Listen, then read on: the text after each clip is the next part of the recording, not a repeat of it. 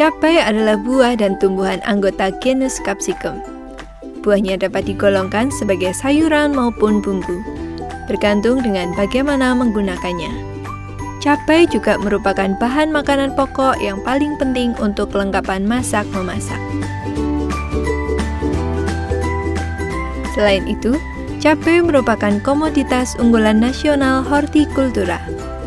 Hal ini dikarenakan cabai memiliki pengaruh yang besar terhadap dinamika perekonomian nasional. Cabai biasanya digunakan untuk memberikan cita rasa pedas pada makanan. Dari sana, kita akan tahu bahwa cabai sudah semestinya dijadikan olahan pada masakan. Namun, tahukah Anda, saat ini cabai tidak hanya dijadikan olahan makanan, akan tetapi dapat dijadikan hiasan. Ya benar, cabai hias. Jenis cabai ini berbeda dengan jenis cabai lainnya. Cabai hias memiliki fungsi utama, yaitu untuk dinikmati keindahannya, yaitu guna mempercantik lingkungan tanaman hias sendiri.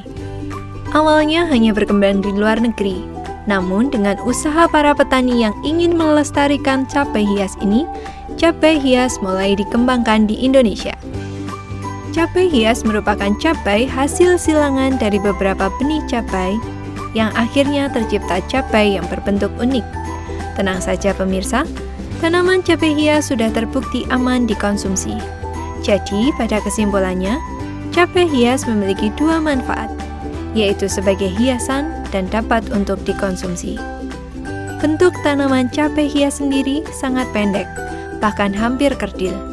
Hal itu disebabkan karena tanaman cabai hias telah mengalami proses rekayasa genetika yang sudah dirancang untuk postur pendek, bukan disebabkan oleh hama.